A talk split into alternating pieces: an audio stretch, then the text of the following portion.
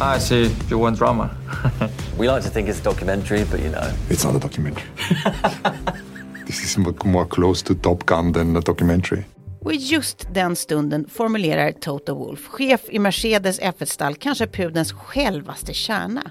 För Netflix dokumentärserie Drive to Survive har inte blivit så omåttligt framgångsrikt i helt nya målgrupper för att F1-sporten i sig är så oemotståndlig, utan för att drama är det. Så på omkring 15 minuter ska vi lägga fram caset för er. Hur Netflix fick tjejer att älska Formel 1. Jag heter Elias Björkman. Och jag heter Tove Nordström och det här är Dagens Story TV-kollen från Svenska Dagbladet.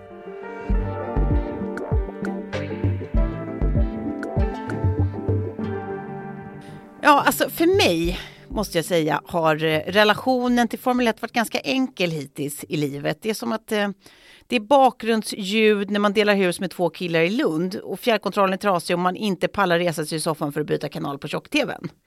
Mm. Ja, så det har liksom brusat på där varv efter varv och helt plötsligt så har man ord som chicane i sitt ordförråd. Du bara, vad är chicane? Ja, det är en serpentinkurva på banan, eh, ska sägas. Eh, men det är inte helt oangenämt, det är lite ASMR för dagen efter huvudet. Eh, ja, men det där är också allt, allt som FF har varit för mig. Jag har inte brytt mig ett skvatt på över 20 år. Nej. Ehm, Hur, hur, har, du, hur har du känt? För mig har det också varit något liknande, förutom att det inte har varit något lägenhet i Lund och med två killar. Eh, Okej, jag har inte alls faktiskt tänkt på Formel 1. Jag tänkte att det är som ett tv-spel. Jag har väl mest kommit i kontakt med det genom något tv-spel. Ja. Eh, alltså, det är varv efter varv, det verkar totalt Ja, obegripligt tänker du. obegripligt. Men, Men, enter drive to survive. ja, har även vi blivit bitna. Det är det Av som denna är fluga. det sjuka. Alltså caution is advised om man sätter på Drive to Survive. Mm. För jag vet liksom inget om de här producenternas bakgrund som, som har gjort serien. Men det är garanterat samma gäng som ligger bakom typ alkohol, mjölkchoklad, cigg och snooze-knappen. Mm. Den här skiten är absolut beroendeframkallande. Jag ber om ursäkt att jag svär. Det, Skit hit och dit. eh, den är ju verkligen det. Nej men den är det. Vi får alltså följa då de största F1-stallen eh, via deras olika stallchefer som alla i sig är karaktärer, vi kommer återkomma till dem. Och så förstås via deras superstjärnor, alltså förarna. Och spoiler alert för den oinsatte, det finns fler än the original gangster eh, Lewis Hamilton. Han är ju inte original heller, han var bara stor jävligt länge. Jag tror du skulle säga han den här uh, Schum, Schumacher, ja han är väl egentligen the OG, eller the GOAT. Om man ska Ja. slänga sig med, Ron, sådana Ronny. Ja, men ingen har någonsin varit bättre. Greatest of all times Jaha, är ändå jaha. Schumacher. Än så länge. Du kan mycket. Ja, visst kan jag det. Vet du varför? För att du har sett För jag har blivit beroende. Ja. Ja. Jag vet att du tar ju din eh, yrkesroll på allvar, så du har ju som den journalist du är eh, grävt lite i den sport du är ointresserad av. Berätta. Grävt kanske är lite överord, men eh, jag har läst mig till att Formel 1 är en, det är en form av formelracing. Mm. Eh, det är alltså tävlingar på asfalterade banor. Eh, bilarna är ensitsiga. Mm. Hjulen är friliggande. Det betyder att karossen inte täcker hjulen. Mm. Så mycket har jag läst mig till. Allt du sa nu. Jag, jag vet, men det är exakt, exakt det också jag har känt att eh, den här så kallade sporten är. Ja. Ett stort eh, snark. Absolut ingen, ingen provokation i sig att du precis kallade den så kallade sporten. Nej, vi ska återkomma till det också. Ja, det ska vi. Um, nej men första Grand Prix Mm. kördes eh, i Formel 1 kördes 13 maj 1950 på Silverstone i Storbritannien. Just det. Tydligen. Mm. Eh, det är den snabbaste, Formel 1 är den snabbaste bilsportgrenen på bana. Det kanske finns någon annan som inte är på bana. Topphastigheten ligger på över 360 km i timmen. Det är så fruktansvärt snabbt. Det är, det är jättesnabbt. Eh, rekordet just nu verkar ligga på 372,5 km som en finsk förare uppnådde. Vem? Räikkönen? Eh, Bottas, Valtteri Bottas. Valtteri? ja. Eh, han slutade väl för inte så himla länge sedan väl? Vem vet? Och sen så kör de med turboladdade 1,6 liter sexcylindriga motorer på omkring 800 HK. Det här är allt jag har läst, läst mig till. Samt att eh, 2021 års säsong sågs av totalt 1,5 miljarder människor. Ja, wow. Mm, det är mycket, jag vet inte om de, menar livepublik eller liksom. Nej, det kan de inte mena, eller? Det spelar ingen roll, det är många som Nej, det kan de tittat. inte mena. Nej. Så många får inte plats på de där. Nej men alltså livepublik inklusive tv-tittare gissar jag. Ja, precis. Men, men det känns fortfarande osannolikt. Ehm, Mycket folk. Så, så, så detta är då sporten. Eh, Det kostar en massa att ha ett stall. Eh, Det finns regler för hur mycket det får kosta. Eh, vissa har ju mycket, mycket mer pengar, men det ska vara mer rättvist. Så att det får bara kosta typ 1,4 miljarder kronor och inte typ 2 miljarder kronor att ha sitt stall. Då så. Ja. Eh, och vi vet ju, vi som har sett detta vet ju också att det, det vet ju säkert du med ännu mer om, att det är ett konstruktörsmästerskap. Ja. Och ett eh, personmästerskap, eller vad heter det? Eh, Ja, dra- precis. Förarmästerskap. Ja, exakt. Det handlar ju både om de som faktiskt bygger bilen, eh, för, för dem att få glänsa och för de som kör bilen att få glänsa. Så konstruktörsmästerskapet det vinns av stallet så att säga. Man får Exakt. poäng i varje, varje lopp och det är flera förare från varje Ja. stall. Man får poäng om man hamnar på topp 10-placering. Just det, Mm. det så var det. Annars blir man utan. Men, elefanten i rummet. Ja. Formel 1 är en manlig bastion. Den Ja. sista? Frågetecken. Kvinnorna i serien är ju flickvänner, det är fruar, det är mammor, får jag intrycket av. Mm. Mm, inga som är aktiva i alla fall. Inga som heller verkar vara med i teamet. De är väldigt, väldigt manligt. Det manligt. fanns ett tag på Williams en kvinnlig stallchef faktiskt. Som, för att det var familjeägt och hon var eh, Williams familj. Men sen sålde de och då fick hon kliva ner från sin position. Look at me glancing Men, here ja. on air. Men fem kvinnor har tävlat i minst ett lopp sedan, Mm. Ja. eh, sedan 1950. Mäktigt. Endast två kvinnliga förare har lyckats kvalificera sig. Ja, där har jag. Mm. Eh, Men, men, ja, men, nu kommer det, menet. Kanske blir det ändring på det nu. För eh, när man attraherar fler fans, vilket serien har gjort, eh, flera har hittat sporten, så däribland un, gruppen unga kvinnor, då kanske de här blir också blir aktiva, vad vet jag. Man kanske inte ens får mixa, jag vet inte om man får mixköra. Jag har ingen aning heller. Nej. Eh, men redan efter den första säsongen kunde arrangörer se en stor skillnad i besöksantal eh, Mm. på arenor, framförallt uh, ökning, ökning av just unga kvinnor. Eh, men också generellt en ökning i åldersgruppen 16 till 35 år, alltså Mm. för intresset för sporten.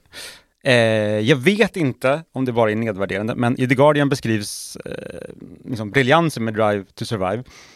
Eh, att dess förmåga att skildra sport på en nivå som Real Housewives-fans kan förstå. Mm. Det tyckte jag var lite Det är absolut, eh, eh, eh, sa du degraderande? nedvärderande sa jag. Nedvärderande. Mm. Eller hur? Det är Mm. lite grovt. Det tycker jag. Så, så den Guardian-skribenten eh, kanske man inte ska lyssna på, men kvinnorna har hittat hit. Ja, kvinnor har hittat hit och varför har då vi kvinnor börjat titta? Även om man blir irriterad på hans eh, citat där i The Guardian, för det var en han va? Ja. ja. Så, så det finns ju någonting i det som eh, jag tänker är en uns av sanning. Eh, alltså det, det, hur blir man intresserad av något så urbota trist som två timmars varvande kring en racingbana? Det, det är ju en sak många, en fråga många kan ställa sig. Men jag, jag tycker att man kan börja med, vi kommer återkomma till, till honom och vad han har rätt i, men man kanske kan börja med att konstatera att allt kan ju faktiskt vara en berättelse numera. Eh, i, I rätt människas händer och så även motorsport, alltså storytelling. Det är ju någonstans vår, vår samtids liksom, eh, innehåll, content, hantverk. Så handlingen är liksom inte lika avgörande egentligen som berättartekniken. Nej. Så ser ju vårt tidevarv ut. Eh, och i den här serien så har man ju verkligen valt att sätta drama i fokus. Alltså bara namnet, Drive to Survive. Du hör ju, det handlar om liv eller död man. Ja. Ja, herregud. Varje avsnitt bygger liksom upp som mot ett nytt avgörande race ur en ny persons perspektiv. Så man får som slutscenerna i Days of Thunder, om du minns den, Ja. svingammal referens för Ja. oss som levde eh, och var medvetna på 90-talet. En, en racingfilm med Tom Cruise. Men det är som att man får slutscenerna i Days of Thunder varenda avsnitt. Och, och bara så här långt så tror jag att jättemånga fler än de som redan älskar F1 som sport kan tänkas bli intresserade. Du blir ju intresserad Elias, Ja, till och med jag. Ja. Till och med du.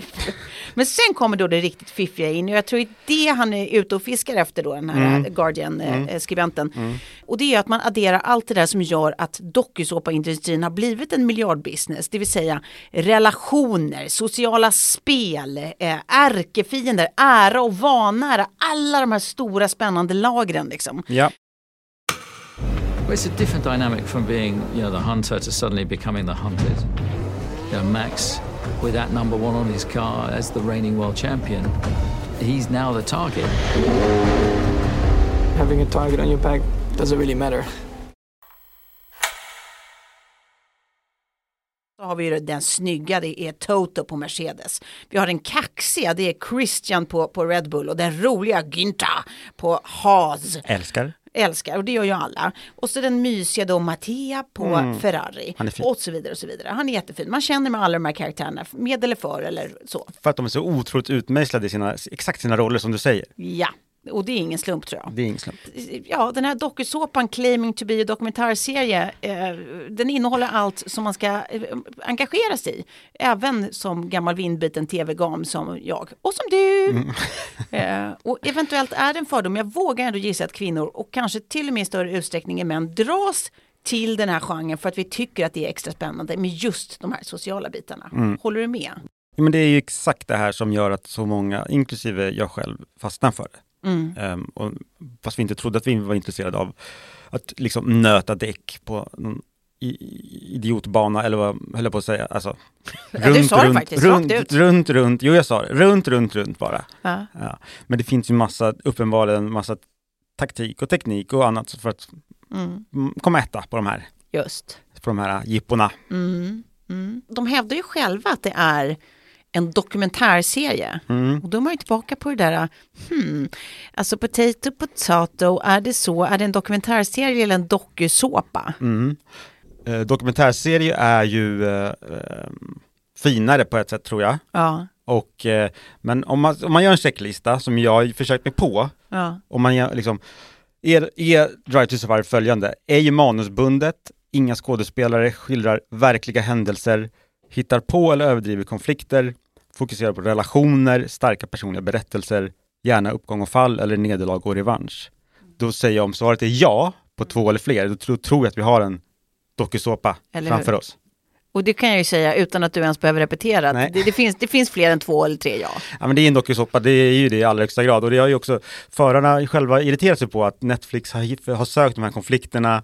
Vissa har ju, du kan säkert namnen på dem, men vissa har ju hoppat av eh, efter första säsongen för att de tyckte att det var Mm. Netflix överdrev så himla mycket. Ehm, det, de, de har nu kommit tillbaka för de har blivit lovade att det ska vara mer äkta i säsong 5. Den, den som just har släppts på Netflix. Ja. Och som vi hörde här i inledningen så Exakt. Toto då som är, är den, den stora stallchefsstjärnan kanske, han säger det ju själv. Jag tror att nyckeln här är det här som du också nämnt redan. Berättelser är det, har ju varit de senaste 20 åren det som har varit det stora. Ja. Liksom, varje varumärke, varje klädföretag, varje skomärke ska ha en historia, någon sorts Ja, ursprungshistoria som ska fånga och som på något sätt ska göra att, eh, produkten mer attraktiv. Och eh, det är ju de här berättelserna som man hittar, men man, man måste få ändå ge Netflix-teamet att de är, jävligt, de är väldigt skickliga på det. Alltså, det är de. de är ju, som du också har nämnt, de är ju otroligt bra på att hitta och, och mejsla ut karaktärerna. Ja. Eh, det får man inte heller glömma att det, det är inte heller så här givet. De har ju, ser ju, de har ju sett någonting och gjort det jäkligt bra och mejslat ut dem och Mm. ja, eh, Nej, men för det, de lyckas ju i varje avsnitt som sagt. Alltså upplägget är ju då i regel att man fokuserar på liksom ett nytt stall och eh, nya förare i varje avsnitt. Så att Mm. alla, alla liksom huvud, eller de här absolut största stallen får ju eh, uppmärksamhet eller får ju tid. Ehm, ja men eh, och, och de lyckas ju engagera en på samma sätt gång efter gång efter gång. Exakt. Liksom. De kan hitta något i varje person, någon, Mm. någon utmaning, någon revanschlusta, någon, ja, Mm. det finns ju där. Mm. Eh, sen är det ju såklart ohyggligt överdrivet och det är mycket sånt här att man har lagt om ljud, man har fått kritik för att man har tagit någon dialogbit från någon intervju och bytt ut och man liksom lägger på extra ljudeffekter och sånt. Det ska man ju också vara medveten om att det här är ju en dokusåpa verkligen. Det Ja. är ju verkligen iscensatt verklighet, verklighet iscensatt på något sätt. Men det var det, och jag menar det här, eh, F1 är ju inte den enda sporten som, som eh, man har sett potential att faktiskt kunna bli en story, alltså att, att eh, hitta på eh, ett innehåll kring eh, för att få folk att bli intresserade, eller hur? Nej men eller hur, det, det, just på Netflix har, har vi ju sett Breakpoint om tennis, Mm. vi har också fått Full Swing om golf, Eh, så uppenbarligen så Precis. Prime Video gör faktiskt en hel eh, dokumentärsatsning som heter All, All or Nothing. Mm. Och där har man amerikansk fotboll, man följer lag inom amerikansk collegefotboll, man följer fo vanlig fotboll, Mm. Premier League, Serie A, man följer nyzeeländska rugbyligan och ishockey. Alltså olika lag i alla de här sporterna. Mm. Och Också på samma liksom, fluga på väggen sätt, fast det är ju inte det riktigt, men det här Mm. närgångna, föl- som har, så det är ju uppenbarligen, sport är ett generellt tacksamt ämne. Det är ju liksom, det är det. det är lätt att skriva upp dramatiska effekten till max, som du har sagt, du har jämfört med eh, film redan, men också det är så himla enkelt att hitta förloraren blir vinnare och tvärtom. Ja, ja, exakt. Men också att man tänker bara rent ekonomiskt att så här, det är så fiffigt att de måste ju ha hittat en win-win, att de har olika sådana här alltså huvudorganen för varje respektive sport måste ju liksom jubla och tycka att det är underbart att nu får vi ett sätt att liksom öka intresset för vår sport och få fler som kanske vill börja med vår sport och fler som vill komma och titta på vår sport och allt det här.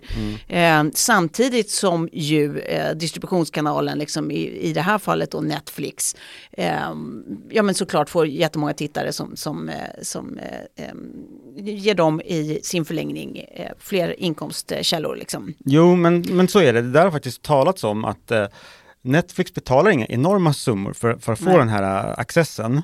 Men man ser det på Formel 1, uh, eh, cheferna där, liksom, de mm. ser det som en win-win för att de får så enormt bra uh, uppmärksamhet. Så det är liksom Netflix, det, man vet inte hur mycket de betalar, men de, de får tydligen ganska ja, inte allt för dyrt. det som har hänt däremot, är att de som sänder Formel 1, deras rättigheter har ökat väldigt mycket.